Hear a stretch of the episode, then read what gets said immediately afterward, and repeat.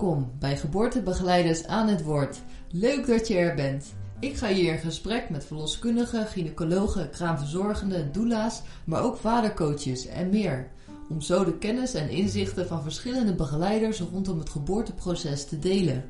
Heb je iets aan deze gesprekken gehad? Steun dit initiatief door te delen, liken of een reactie achter te laten. Meer interviews vind je op geboortebegeleidersaanhetwoord.nl. Ik ben Sabine van Onselen, jouw host tijdens de interviews.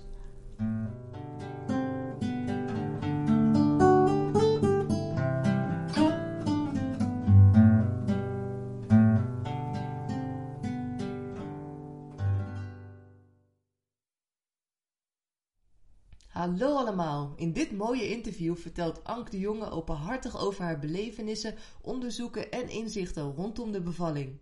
Wat Ank zo bijzonder maakt is dat zij naast eerste lijst verloskundige ook een senioronderzoeker, universitair hoofddocenten en coördinator van Midwifery Science is.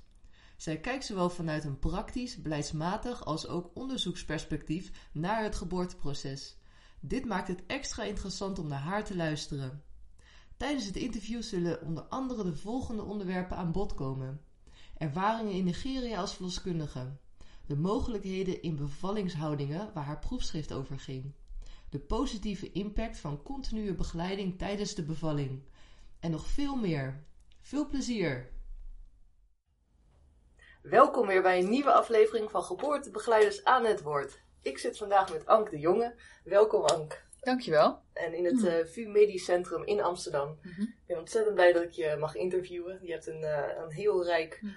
Uh, carrière al gehad op verschillende gebieden, wat ik heel erg bijzonder vind. Je hebt Mhm. zowel beleidsmatig onderzoek uh, en in de pra praktijk werk je. Ja. Uh, dat, ja, dat geeft een enorme drive aan. Mhm.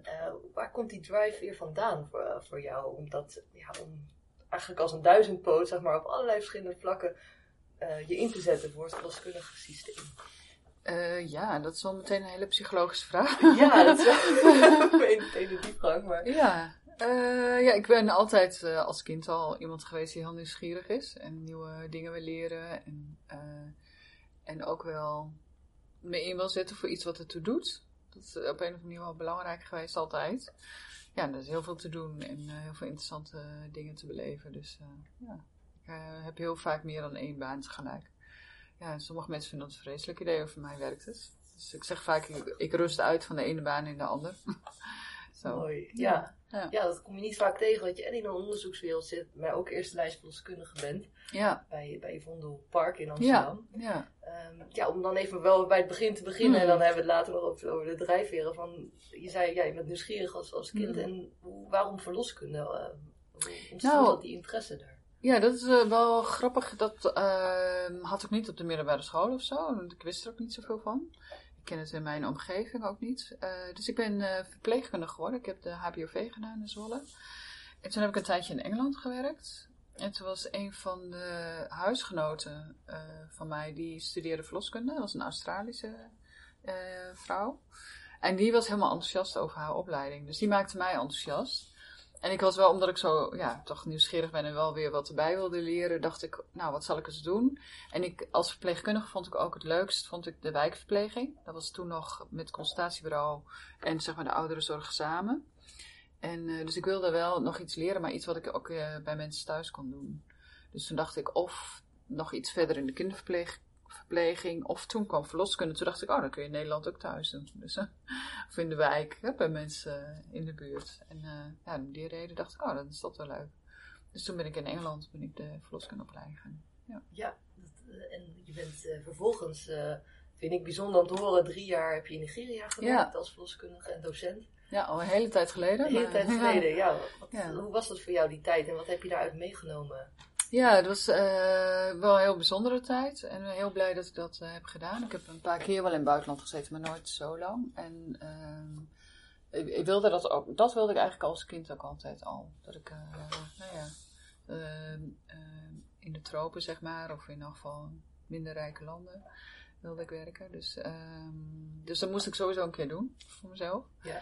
En ja, aan de ene kant is het natuurlijk hele uitdaging, want je hebt natuurlijk veel minder middelen. En uh, vaak werk je als een halve dokter, ook vaak boven je kunnen soms. En met, nou ja, hè, met, met weinig uh, om je ja, te redden. Maar ook wel heel rijke ervaring. Hè? Dus um, geeft ook heel veel bevrediging. Um, ik heb uh, als docent gewerkt, als um, verloskundige.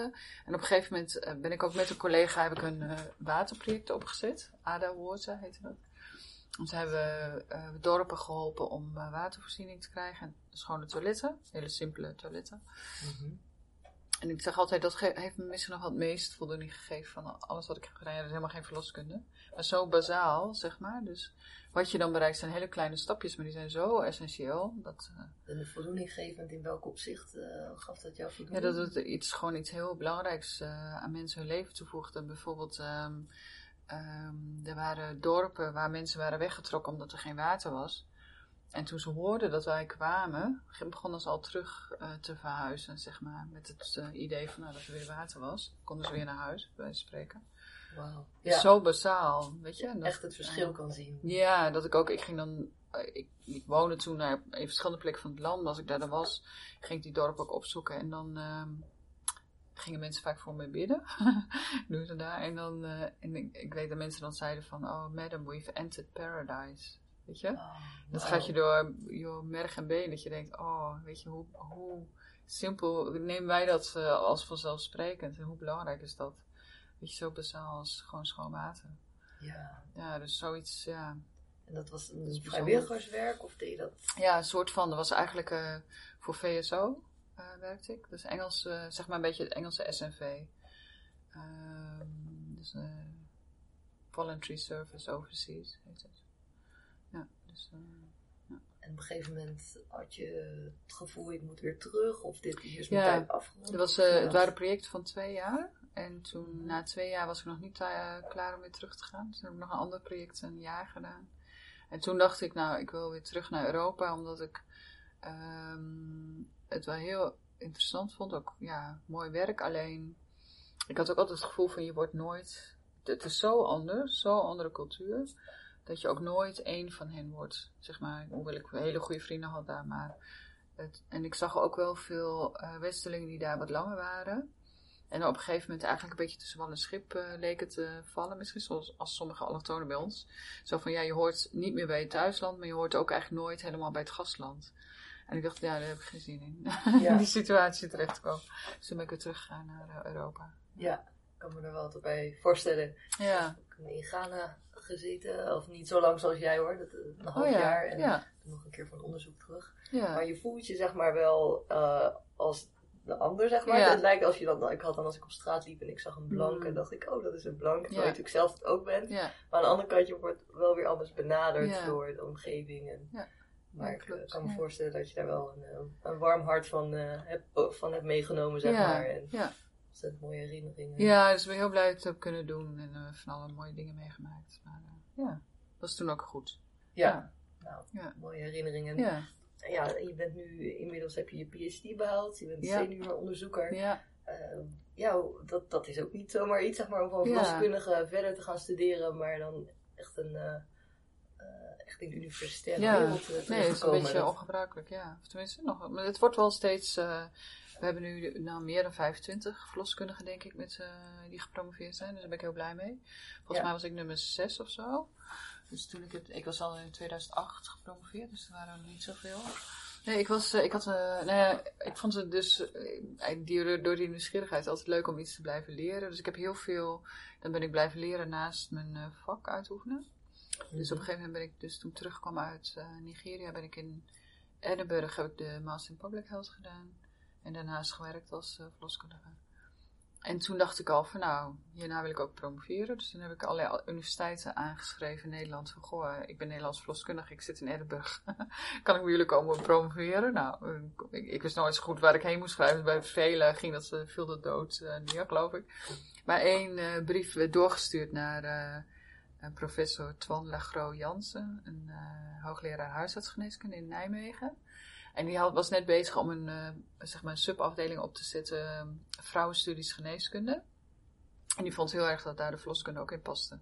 Dus daar kreeg ik een hele enthousiaste mail van, oh hartstikke leuk, kom maar langs. Nou, en dat is gebleven. Dus nog steeds heb ik veel contact met haar. En zij is ook uiteindelijk mijn promotor geworden. Ja. Ja, bijzonder. Ja. Ja, je hebt, eh, als ik de titel mag Hmm. voorlezen, de Birthing Position Revised. Examining the ev- evidence of a routine practice. Sorry van mijn Engels uitspraak, maar Ja. dus het, eh, ja, de geboortehoudingen. Om het even kort eh, samen te vatten. Waarom deze keuze? Wat hou je Ja, eruit? nou, dat had alles mee te maken dat ik in Engeland had, eh, was opgeleid en had gewerkt, of in de UK. En ik had heel veel zin om naar Nederland uiteindelijk weer terug te gaan. Ook omdat hier heel veel, toen nog heel veel thuisbevallingen waren. Nou, er zijn er nog steeds relatief veel natuurlijk. En eh, ja, een beetje een naam had in de wereld van nou, eh, dat dit een soort fysiologische verloskunde nog was hier. En bij mensen thuis, hè, dus dat vind ik natuurlijk leuk. Ehm, en toen kwam ik hier werken en toen was ik echt heel verbaasd dat ik bijna iedereen op de rug zag liggen. Want dat verwacht ik dus niet. Want in heel veel westerse landen waar vrouwen dan thuis vallen, het is vaak een hele kleine minderheid. Maar die vrouwen die eh, ze bevallen ook heel vaak in allerlei andere houdingen. Want het hoort er een soort bij, weet je. Je bent, je bent zo vrij dat je kiest voor thuis bevallen. En dan wil je vaak natuurlijk bevallen. En dan wil je ook eh, niet per se op de rug. Een soort heel pakket. En dat is hier dus niet zo. Weet je, je- dus thuis bevallen is wel gewoon. Maar dat betekent niet Ja. dat je dan ook al die andere dingen krijgt. Dus, ehm, en toen heb ik het, toen heb ik als onderzoeksvraag eigenlijk, eh, mijn onderzoeksvraag was eigenlijk, goh, als je kijkt hoe dat in de historie ook is gegaan. Vroeger eh, als je, eh, namen vrouwen allerlei houdingen aan. En ook in Nigeria waar ik werkte. Als je in de dorpen kijkt, waren vrouwen bijna altijd hurkend of staand. Hè. Ehm, en pas zeg maar in de 17e eeuw eh, met dat mannen ook in de verloskunde kwamen en de instrumenten kwamen, zoals de tangverlossing. Toen zijn vrouwen gaan liggen. En op een gegeven moment is dat routine geworden. Ja, niet per se omdat vrouwen daarom vroegen. Dus ja, eh, Dat meer dan meer- makkelijker Ja, was. voor ons ook als Ja. zorgverleners. Ja. Maar eh, eigenlijk kun je dat dus zien als een soort interventie in het eh, geboorteproces, waar vrouwen niet per se zelf om gevraagd hebben. Dus ging ik onderzoeken van ja, is er, is er evidence dat deze interventie beter is dan vrouwen gewoon hun eigen ding laten doen. Dat was eigenlijk de rode draad door mijn proefschrift. En wat ontdekte je allemaal? Nou ja, de, het antwoord was dus ook eh, niet per se dat vrouwen in andere houdingen moeten eh, bevallen. Want dat wordt dan ook weer zo'n dogma waar ook niet echt evidence voor is. Dat het absoluut geen evidence is dat het beter is dat vrouwen op de rug liggen. Dus mijn conclusie was eigenlijk dat je eh, gewoon vrouwen veel meer keuze moet laten in wat bij hen past. Ja, het was meer misschien ook een gewoonte. Zo van iedereen doet dat, dus Ja. ik doe het ook. En Ja. eigenlijk niet eens zo st- bij Ja. stilstaan. Klopt. Dat was ook een van de. Een, in een van mijn onderzoeken heb ik vrouwen geïnterviewd. En eh, daar kwam ook uit dat als vrouwen echt moeten kunnen kiezen, dan moesten ze ook weten wat te kiezen valt. Het is een beetje als, eh, ja, als je niet weet wat spruitjes zijn, ga je nooit spruitjes eten. Want ja, weet jij veel. Hè? Dus Ja, dat is een beetje ja. hetzelfde met houding. Als je niet weet dat je iets anders kan dan op de rug, ja, dan bedenk je dat niet eens. Dus je moet al in elk geval als zorgverlener zorgen dat vrouwen weten wat voor houdingen ze allemaal kunnen gebruiken. En dan kijken van nou eerst van nou wat doet ze zelf, wat eh, past bij de. En dan is dat soms ook, wisselt het ook, hè? Wat- niet de hele tijd hetzelfde, maar dan is even zo, dan is even zo. En heel soms heb je ook een medische reden waarom je denkt, nou misschien wil deze houding wel iets beter. Dan help je haar en zeg je van nou misschien kun je dat ook nog eens proberen. Zo. Ja, het is er voor bepaalde situaties een houding beter? Of is er algemeen een houding die Nou, Wat je wel ziet is, ehm in de wijk hebben we ook een systematische review gedaan. En die is er ook door de Cochrane gedaan. Dus een soort eh, gerenommeerd ins- instituut voor systematische reviews. Hè. Ehm, en daar komt wel uit dat ehm, eigenlijk als je echt vrouwen randomiseert, wat wij niet hebben gedaan, maar echt toewijst van nou ga jij nou zo rechtop bevallen en jij liggend. Wat ik eigenlijk wel een beetje een rare onderzoeksopzet vind, maar goed, dat tezijde. Als je dat doet en je, je kijkt, dan, dan heb je eigenlijk dat vrouwen die meer rechtop, of die rechtop zijn, eh, zijn geweest, minder vaak bijvoorbeeld instrumentele bevallingen nodig hebben. Hmm. Dus als het niet opschiet, zou je kunnen zeggen, ja, dan is het heel, goed, heel wijs om te proberen met houdingen daar nog wat eh, vlot, eh, wat vlot te trekken. Ja, Zo. en ja, als je in het ziekenhuis bevalt en je hebt een ruggenprik gehad Hmm. of je zit aan het infusie, zijn Ja. er nog alternatieven dan voor? voor om om zeg maar niet alleen liggend te blijven? Of wordt Ja. dan wel echt bemoeilijkt? Op die Nou, dat is een goede vraag. En eh, ik denk dat mensen veel vaker denken dat het niks kan dan dat het echt zo is. Want, eh, en het wordt ook wel, eh, de, de middelen worden ook steeds beter om andere houdingen te gebruiken. Bijvoorbeeld het ziekenhuisbed kun je heel goed verbouwen tot bijna een, een stoel, zeg maar. Je kunt het uh, voeteinde eraf halen, dan is het bijna een buikruk. uh, je kunt op je zij natuurlijk, handen en knieën soms. Ja, met de rugprik een beetje moeilijk. Maar dus, er is wel meer mogelijk als je echt wil. Met de infuus, als je geen rugprik hebt, kun je ook soms naast het bed. En er zijn ook wel uh, gynaecologen en klinisch verloskundigen die daar steeds meer op letten. Dus ik zie het in sommige ziekenhuizen nog ook gewoon wel toenemen. Dat minder mensen op de rug bevallen. Ja. Komt dat ook veel voor in de opleiding tegenwoordig? Ja, de opleiding verloskundige leren het zeker. Maar wat ik wel, zo, ik ben laatst nog geïnterviewd door studenten. Die uh, ook de onderwerp onderzochten. En daar kwamen ze mij uit, dat zagen mijn artikelen. Ja. En uh, dat schrok ik alweer, want er waren vierdejaars. En er was eentje, dat geloof ik één krukbevalling gezien en de andere alles op de rug. Dus weet je, het is één ding wat je leert in de, in de, op de opleiding. En het andere is wat je ziet in de praktijk. En dan verschilt het denk ik erg tussen verloskundige praktijk hoeveel uh, met andere houding wordt gewerkt. Ja, oké. En waterbevallingen, is dat iets wat je ook ziet toenemen in, in Nederland? En, Ja, ook daarvan is het een beetje afhankelijk van de praktijken, wie, uh, wie dat wel of niet doet. Hè. Er zijn verloskundigen die er niet zo comfortabel mee zijn. Wij doen het wel vrij veel. Um, Geboortehotels. Uh, ja, die hebben vaak uh, wel een groot. Je moet wel een heel groot bad hebben. Mm -hmm. dat je hele buik onder water kan. En dan is het wel heel fijne pijnbestrijding. Ja. Zeker eigenlijk, ja, je voelt de pijn nog wel. Maar wat vrouwen vaak zeggen is dat tussen de weeën door het helpt om te ontspannen. Dus wel, wel heel fijn. Ja, mooi, ja. En uh, nou, je rijdt langs de snelweg, je ziet een billboard staan en jij mag iets op het billboard zetten voor zwangeren of partners op, rond het geboorteproces, rond het bevallen. Mhm. Welke woorden, woord, zin zal je daar willen neerzetten? Ehm, ja, als het gaat over bevallen, bedoel je dat? Uh, ja, waar denk je nog meer aan? In eerste instantie bevallen. je hebt natuurlijk nee, ik moet even, perspectieven bekijk je het uh, Ja, als ik aan bevallen denk, dan denk ik meteen aan een stelling aan mijn proefschrift. Waar ik uh, zei van, een mens komt het meest tot zijn recht als hij het leven leidt dat bij hem past. En dat geldt niet alleen bij de baring. Dus dat vind ik sowieso wel een beetje, en het is ook een beetje als je mijn cv ziet, hè, wel een beetje eigenwijze dingen gedaan. het is niet zo standaard. Dus dat, en dat heb ik nog een beetje, dat ik denk, uh, ben ja, niet zo gauw van, nou, dit is de gangbare weg, dus moeten we dat ook maar doen. Ja, dat ik denk, uh, mensen moeten een beetje kijken, de dingen doen die bij hen passen, dan, dan ben je vaak ook het beste in. Uh, ben je het gelukkigste in. Uh, kom je meestal tot je recht. En dat vind ik bij, bij bevallen of sowieso, hoe je zwanger bent en een kind krijgt, ook heel erg. En daar zijn we ook wel steeds meer mee bezig. Hè? We, noemen, we geven het allerlei termen als cliënt centraal of uh, nou ja, shared decision making en nee, allerlei, uh, de ene hip term naar de andere. Maar goed, mhm. eigenlijk uh, betekent dat wel dat we met z'n allen wel steeds meer bewust zijn dat dat heel belangrijk is. Mm -hmm. dat het niet, ja, we hebben allerlei protocollen en richtlijnen, maar dat niemand daar altijd precies in past. Mm -hmm. En dat je elke keer toch moet kijken van ja, wat past er nu bij deze vrouw met haar partner, met de kinderen. Ja. Uh, wat is hier nou het beste? Ja, en, en, hoe zie je dat voor de geboortebegeleiders? Je hebt zelf, uh, ben je ook, werk je in de praktijk met verloskundigen, met zwangeren. Mm -hmm. um, wat, zou je, ja, wat zie je om je heen gebeuren? Wat, wat, wat zou jij willen meegeven aan geboortebegeleiders op dat gebied? Ja, wat wel een beetje algemeen, een beetje een angst is dat er steeds meer met protocollen wordt gewerkt. Wat ik op zich heel goed vind, hè, want protocollen zijn ook een houvast. En het zijn, is vaak een soort uh, gestolde kennis. Hè, van, uh, het is gebaseerd op uh, nou ja, wat we weten. nou ja, ja, ook op onderzoek. Hè. Onderzoek ja. onderzoek, ja. Ik ben een onderzoeker, dus ik geloof wel erg in onderzoek. um, maar soms wordt het te strak gehanteerd. Hè. Um, dus natuurlijk heel erg hebben we tegenwoordig dat we evidence-based werken. Die term heb ik nu zoals gehoord. Ja. Dus dat is heel erg, uh, nou ja, dat hoor je te doen. Hè. Je hebt ook evidence-based richtlijnen. Dus dat betekent nou ja, dat je goed hebt gekeken van nou, wat is het beste uh, praktijk op dit moment, wat van een kind is. Maar eigenlijk, um, dat begrip evidence-based werken, dat, dat behelst eigenlijk drie componenten. Eén is onderzoek. en dan kan nog allerlei soorten onderzoek zijn, kwantitatief, kwalitatief. Dus interviews met mensen, getallen. Het, tweede is de klinische ervaring van, van professionals. En de derde, wat eigenlijk misschien nummer één is, is wat wil de cliënt en wat past bij een cliënt. dat is een beetje wat ik net zei. Van, hè, wat, wat is nou voor deze cliënt goed? En wat wil ze ook? Um, en wat vaak gebeurt is dat mensen evidence-based werk opvatten als dat alleen maar onderzoek.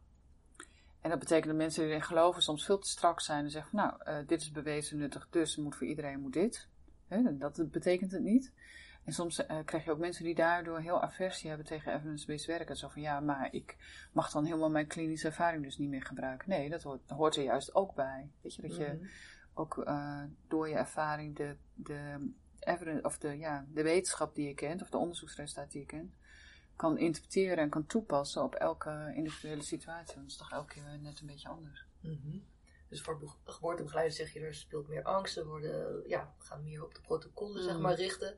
Uh, dus hier hierbij geef je aan dat je het belangrijk vindt dat ook de klinische ervaringen of de ervaringen ja. worden meegenomen. Ja. ja. En, vooral ook wat de cliënt wil en wat bij haar past. Ja. Wat ze nodig heeft. Ja. Dat je daarmee begint natuurlijk altijd. Dat je niet... Uh... Ja, ja, en zelf weten wat inderdaad allemaal mogelijk is. ja. En ehm, ja, heb je een bijzondere ervaring meegemaakt rondom de bevallingen, zeg maar, die je goed is bijgebleven en die bij jou een indruk heeft gemaakt? Ja, heel veel. Heel veel ik loop al heel jaren mee, dus dan, uh, ja, ja. je zou ze bijna eigenlijk allemaal op moeten schrijven. Want uh, ja, dat is natuurlijk uh, zo een, een vak waarbij je ook altijd hele bijzondere ervaringen hebt. Hè? Mm -hmm. het is natuurlijk niet een is ook altijd op verjaardagsfeestjes veel leuker om te vertellen over mijn verloskundevak dan mijn onderzoeksvak. Hoewel ik van beide erg veel hou. maar voor mensen is dat veel uh, interessanter om te horen ja. wat uh, met de verloskunde gebeurt. Dus ja, ja heel veel uh, situaties wel. ja, wat voor ervaring denk je aan? Op dit gebied bedoel je, waar, waar mensen hun eigen ja, bijzondere bevalling of een situatie rondom het geboorteproces die voor hmm. jou ja, cruciaal misschien is geweest, of jou ander, een ander inzicht heeft gegeven op, op het proces of in nou, jezelf? Eén iemand waar ik nu aan moet denken is wel. Uh, kijk, je, hebt een, eh, je, je, had op de website van onze praktijk gekeken. Hè? Uh, vind ik wel mooi dat je die zin van onze wachtkamer uh, over hebt genomen. many things that count cannot be counted. Hè? En dat is ook wel een beetje de filosofie in onze praktijk. Dus we proberen wat tijd te nemen voor mensen. We hebben veel tijd in het spreekuur. We zijn ook vaak lang bij bevallingen. Uh, en dat is de manier waarop we allemaal willen werken. En uh, omdat we daarin geloven, dat we denken dat dat ook belangrijk is voor vrouwen. Maar goed, dat, ja, dat denk je dan. Dat krijg je niet altijd natuurlijk. Ja, je, je weet niet goed hoe, hoe het zou zijn. En uh, ja, hoe, ja, soms we krijgen vaak heel vaak terug dat mensen dat fijn vinden. Maar hè, of een andere manier niet ook goed zou zijn. Ja. Maar um, waar ik aan moet denken is een vrouw waar ik een hele mooie e-mail van kreeg. Die was de eerste keer uh, bij mij bevallen in een uh, geboortecentrum. Dus ik had haar begeleid. En dat was op zich heel goed gegaan. En ehm, de tweede keer woonde ze overal nergens. Dus ze woonde een tijdje in de Verenigde Staten. Een tijdje bij ons kwam ze weer terug. Was een tijdje bij ons weer in zorg. En ze is uiteindelijk in Frankrijk bevallen. En die schreef een hele mooie e-mail die heel goed aangaf, zeg maar, de waarde van het werk dat wij doen. En toen beschreef ze heel erg hoe ze dat ervaren in de Verenigde Staten. Wat, waar ze gewoon zich een nummer voelde en heel weinig, en elke keer iemand anders zag en uh, weinig aandacht. En in Frankrijk werd ze heel erg aan de, begin ze uiteindelijk bevallen, was heel erg aan de lot overgelaten, want ze wilde geen uh, rugprik. Dat wil bijna iedereen in Frankrijk, dus dat snapte ze eigenlijk daar niet zo goed. Dus ze, werd een beetje, ze deed het maar een beetje alleen met een man. En toen zei ze, ja, en bij ons kreeg ze natuurlijk weer, nou ja, de tijd die wij normaal nemen. En toen zei ze, Uiteindelijk was ze goed bevallen in Frankrijk, omdat ze heel erg terugdacht aan de eerste bevalling. En dacht van, goh, um, ik herinner me weer hoe ik van Anke had geleerd dat ik gewoon vertrouwen kon hebben dat het goed zou komen en dat ik dat kon. En dat hielp me nu bij die tweede, hoewel ik alleen werd gelaten, kon ik het daardoor. En toen dacht ik, weet je niet, het gaat niet om mij, heel veel van mijn collega's zullen dit soort ervaringen ook hebben. Maar soms is het zo moeilijk om uit te leggen wat je nou doet als verloskundige als je mij bij haar eerste bevalling had gezien, had je gedacht van ja, die zit daar maar een beetje. Of uh, hè, ik had een beetje gemasseerd en verder, uh, ja, ik, verder natuurlijk geen technische dingetjes. Of, uh, ja, dus je kunt denken, nou, die, die verdient zittend te geld zonder veel te doen. Terwijl je eigenlijk wel de hele tijd natuurlijk af en toe naar een kindje luistert, maar de hele tijd soort bewust bent van hoe die vrouw doet en wat ze misschien nodig heeft, hoe het uh, proces gaat, of je het allemaal nog normaal vindt. Dus er gebeurt in je hoofd heel veel wat je niet zo duidelijk ziet. En ook dat je gewoon het feit dat je er bent en die rust met je meedraagt, dat al. Dat, zo dat zonder nou zo heel veel te zeggen en te doen, dat zo'n vrouw daar dus toch zoveel kracht uit haalt, dat ze daarmee het vertrouwen krijgt dat ze het zelf kan. Nou, dat lukt mij dus ook niet altijd, hè, dat niet, dat, maar goed, dat geeft wel mooi aan denk ik, ehm, ja, wat je als verloskundige soms uh, lukt om te bereiken. is, Wat ja. niet altijd zichtbaar is. En wat slaat op? Ja, many things that count cannot be counted. Ja. Dat zijn die... En soms denk ik ook wel, zeg ik hier wel eens op de onderzoekafdeling, dat is ook een stuk wat ik heel belangrijk vind in de zorg, maar wat tegelijkertijd zo gemakkelijk eh, verdwijnt. Weet je, als, de, als het druk wordt, als er eh, te weinig eh, geld is, eh, te weinig verloskundigen. Er zal altijd ruimte zijn voor de rugprik, want die moet nou één keer gezet. En de keizersnede moet natuurlijk gedaan. En dat snap ik allemaal wel. Maar dit stuk is ook zo belangrijk. Ik, denk bijna van je zou het een, een sexy naam moeten geven of een begrip van maken. Dat het ook iets wordt nou ja, waar je bij wijze van spreken voor kan betalen. of de zorgverzekeraar voor betaalt. Wat betekent dat je die tijd ook hebt. Dat je dat daadwerkelijk kan doen. die aanwezigheid Ja. zijn zonder Ja. iets te moeten doen. Zonder dat iemand denkt, ja, waarom zit er nou een hoogopgeleid iemand eh, zomaar te niksen? Weet je, dat zou, zo zou, zou je zo makkelijk kunnen denken als je van buiten tegenaan kijkt. Ja, Dus ehm, nou ja, dat vind ik ook nog wel zoeken, hoe we dat gewoon handen en voeten moeten geven. Zodat dat, omdat, ik, omdat je van vrouwen terug hoort hoe belangrijk dat is, hoe je dat dan toch vasthoudt ook Ja. met elkaar. ja en ook, ook vooral hoe die ene ervaring, de je eerste bevalling, zo bij haar zo'n zo'n basis heeft gelegd Mm. eigenlijk voor haar vertrouwen voor de bevallingen daarna. Ja. Maar dat ze daar kan vasthouden. Ja, Dat het veel dieper gaat dan eh, een ervaring op zich. Dus, ja, want je hoort het ook wel veel terug van geboortebegeleiders, dat stukje van dat aanwezig zijn en Mhm. niet eens hoeveel hoeven te doen. En gewoon het vertrouwen zelf, dat noemen ze ook eh, in Amerika weer, eh, op een gegeven moment het doula-effect. Ja, hè? Dat precies. Ja. iemand aanwezig is. En ehm, ja, wat, wat zit daarachter, zeg maar, dat, dat stuk? Eh, kan je, dat, dat is ook weer zo'n beetje een ruime, grote vraag misschien om te stellen. Maar dat, dat stuk dat iemand daar gewoon is, dat dat zo'n effect heeft op de vrouw die dan aan het bevallen is. eh. Ja, ik weet niet of ik het helemaal kan beantwoorden, want ik, hè, zo'n e-mail verrast me eigenlijk ook, omdat ik dat op dat moment zelf niet zo heb, heb ervaren, denk ik, dat het zo belangrijk voor haar was. En soms lukt het ook niet, hè? Dus, het is ook, dus het is best wel lastig om dat nou precies uit te leggen. Maar ik denk dat misschien, ik doe een poging, hè, maar dat is gewoon, eh, dit is Mhm. niet zeg maar helemaal onderzocht. Maar ik kan me zo voorstellen dat ehm, als je een kind krijgt, is het natuurlijk wel een heel erg spannend moment. Wel heel erg een enorme live event. Je hebt nou, de eerste keer nooit eerder gedaan. En ehm, nou, eh, je moet omgaan met die weeën. eh, je ver- verlegt je grenzen vaak heel erg. Want op sommige momenten doet het gewoon hartstikke pijn natuurlijk ook. Hè? En ehm, ja, dat je daarmee ook ehm, nou ja, af en toe gevoelens kan hebben van, oh, lukt dit wel? Overleef ik dit wel? Soms zelfs, hè? Mhm. Eh, gaat het wel goed met mijn kind? Het zijn al die onzekerheden die je dan, die vanzelfsprekend naar boven komen. Dat het misschien helpt als daar iemand zit die heel rustig blijft, waarvan je denkt van, nou, als het niet goed gaat, dan, hoor, dan weet diegene het wel, of dan ziet diegene het wel, of zo. ja, Dat je daardoor gewoon denkt van, nou, ik kan me daar eigenlijk aan overgeven. ja, alsof je bent niet alleen. eh, Ja, mocht er wat gebeuren, er is, ja. er is iemand. zeg maar. Ja. Maar zou- je kunnen denken, een partner die zou ook die rol kunnen vervullen. Maar dat, ja, goed, dat zit dan weer anders natuurlijk met eh, de medische kennis en achtergrond. Dus dat geeft dan toch nog een toegevoegde waarde Ja. aan een professional.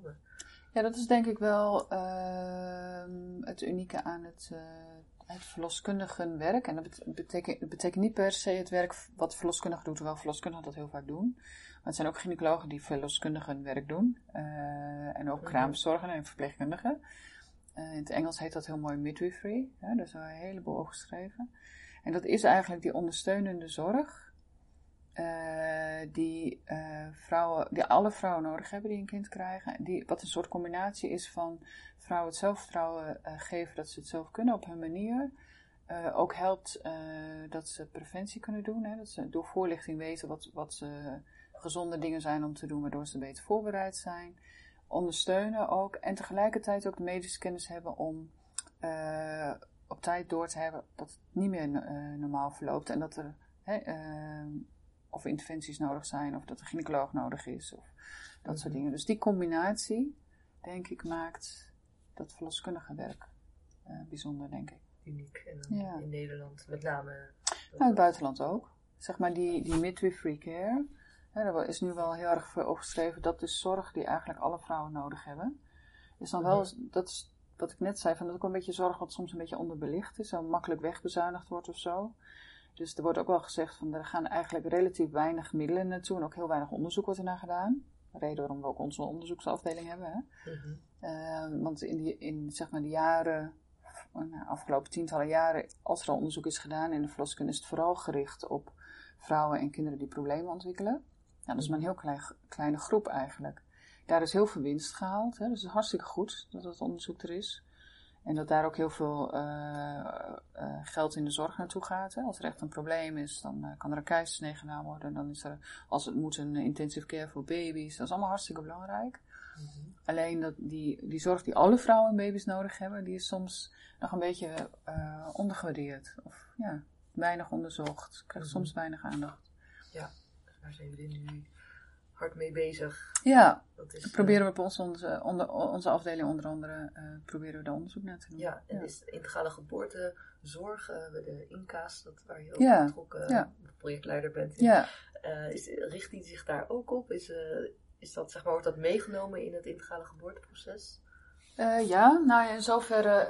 Um, ja, dus we kijken wel vanuit alle vrouwen wat die nodig hebben. En, en daar zit in dat je ook wel de, natuurlijk de vrouwen op tijd identificeert die extra zorg nodig hebben. Maar hoe, hè, hoe dan dat precies in elkaar zit met hele ingewikkelde hoge bloeddruk en dat soort dingen, dat is dan weer niet zozeer onze afdeling, maar wel bijvoorbeeld hoe die zorg dan georganiseerd is. En dat doen we dan ja. in een inkasprogramma, uh, of een onder, onderzoeksprogramma, waar we kijken naar integrale zorg. Dus op onze afdeling hebben we eigenlijk drie speerpunten. Eén is die organisatie van zorg. Uh, de andere is uh, effectiviteit van klinische interventies. Dus toch interventies die we ook doen, bijvoorbeeld echo's. Daar hebben we nu groot onderzoek naar lopen. En de derde poot is de perinatale psychologie. Waarin we vooral kijken van hoe kun je vrouwen eigenlijk ook al in de zwangerschap en ook daarna helpen om weerbaar te zijn. Met, uh, ook als dingen wat tegenzitten, of als een bevalling tegenzit, of als het met kind moeilijk wordt, dat je dan weerbaar genoeg bent om dat toch zelf aan te kunnen. Mooi dat het vanuit zulke verschillende hoeken ja. wordt benaderd. Ja. Het uh, begint ja. al heel rijk te worden. En welke aanname had je vroeger, of eerst, of uh, was er uh, maatschappelijk waar je onderzoek naar hebt gedaan en wat zeg maar, jou een enorm inzicht heeft gegeven? Wat, ja, dus eigenlijk een aanname wat heerst en wat, wat je hebt ontdekt dat dat anders ligt. Nou, anders dan ik verwachtte. Ja, of maatschappelijk, zeg maar. Dat, dat... Um, even kijken hoor. Nee, we gaan, we, Um, de baringshouding zit ik nu even aan te denken, want dat is natuurlijk uh, waar ik op gepromoveerd ben. Um, ik weet niet of ik. Daar is wel een beetje uitgekomen wat ik had gedacht. In de zin van, misschien had ik bijna nog gedacht dat um, rugligging nog minder gunstig was. Zeg maar dat vrouwen heel graag allemaal niet op de rug lagen.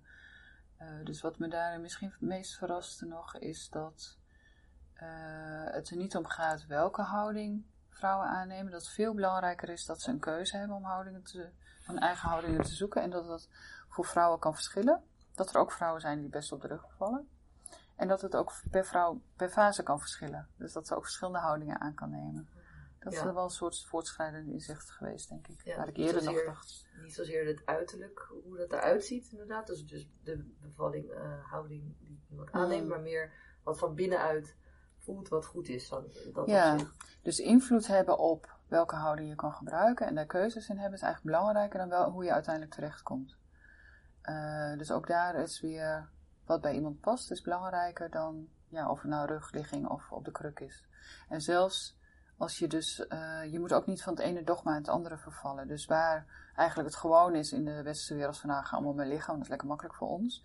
Had je in de jaren tachtig ook heel strijdbare verloskundigen met hele goede bedoelingen. Die zeiden, ja, maar dat is allemaal helemaal verkeerd, want dan lig je daar maar op je rug als een zielig kevertje met de pootjes in de lucht. Je moet allemaal op de kruk of je moet staan. En dat ik dan ging ik weer verloskundigen interviewen dus jaren later, die zeiden van ja, maar weet je, dat was ook soms gewoon te. Want er waren vrouwen die wilden helemaal niet op de kruk. Of die vonden het helemaal niet fijn, weet je. Dan wordt het bijna weer, wordt het ene dogma met de andere vervangen. Terwijl weer eigenlijk je vergeet om echt gewoon te kijken van welke vrouw heb ik nu voor me zitten. En wat past nou bij haar? Weet je, en soms dat de rug. Ja. Weet je, als een spier keisnel bevalt, soms heel fijn om te liggen. Ja, eigenlijk ook weer wat je op het billboard wilde zetten. Ja. Dan komt het hier ja, ook weer terug, precies. dat stuk. Dat is wel heel belangrijk. ja. ja. Nog twee vragen voor je. Ja. Wie is voor jou een rolmodel geweest of een mentor in je leven? Ja, die promotor die ik net noemde is een hele belangrijke. Twan, de Gro Jansen. Jansen.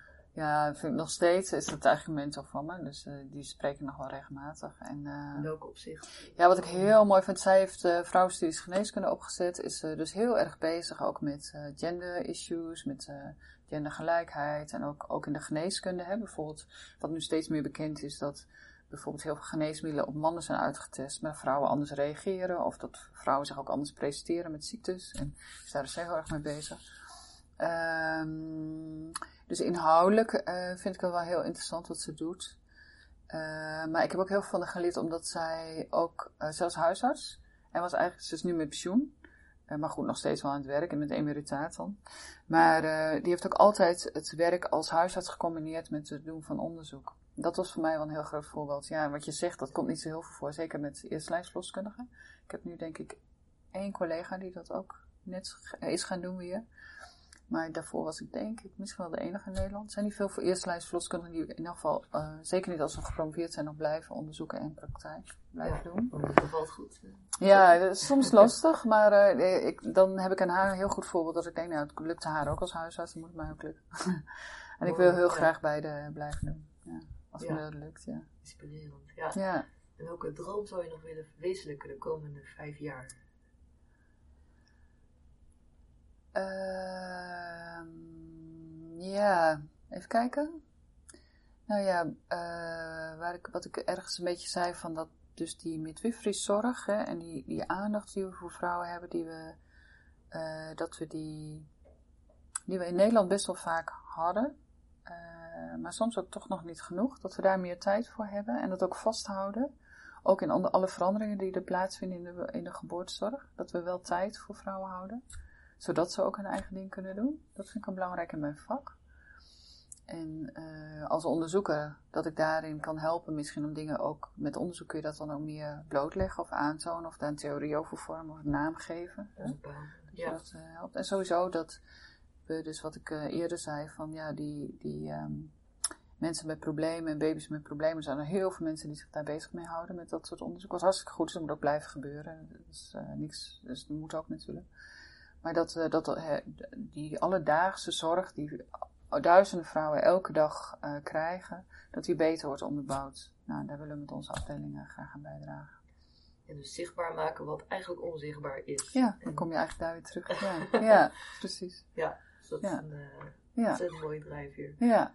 Nou, we hebben heel veel besproken. Is er nog iets wat je nog wil meegeven waar je denkt, hey, dit is nog een stukje of een samenvattend stukje wat je wil meegeven aan de luisteraars? Uh, nou, even denken hoor. Ik heb al heel veel gezegd volgens mij. Uh, nee, als, ik, als het over cliënten gaat, dan ja, dat ze inderdaad uh, ook de ruimte nemen die ze wel hebben om hun eigen zwangerschap en bevalling te hebben. En uh, dat er heel veel wordt gezegd over de Nederlandse verloskunde. Niet altijd positief. De laatste tientallen jaren is ook heel veel negatief nieuws geweest. En uh, ik vind het heel goed dat we continu blijven werken om dat uh, te verbeteren. Alles, uh, daar moet je altijd mee bezig zijn. Je moet nooit stilstaan. Dus dat doen we ook heel erg. En dat vind ik ook heel mooi om daarmee bezig te zijn. Maar we vergeten soms ook wel eens dat we ook heel veel goede dingen hebben. En dat we daar ook trots op mogen zijn. En vrouwen daar ook blij mee mogen zijn. Mooi, ja. ja. Minder kritisch en ook de goede dingen. Ja. Of nou ja, kritisch Beide. is goed, maar ja, ja. alles belichten, zeg ja. maar. Positieve Ja, dingen. precies. Ontzettend bedankt ook. Ja, graag gedaan.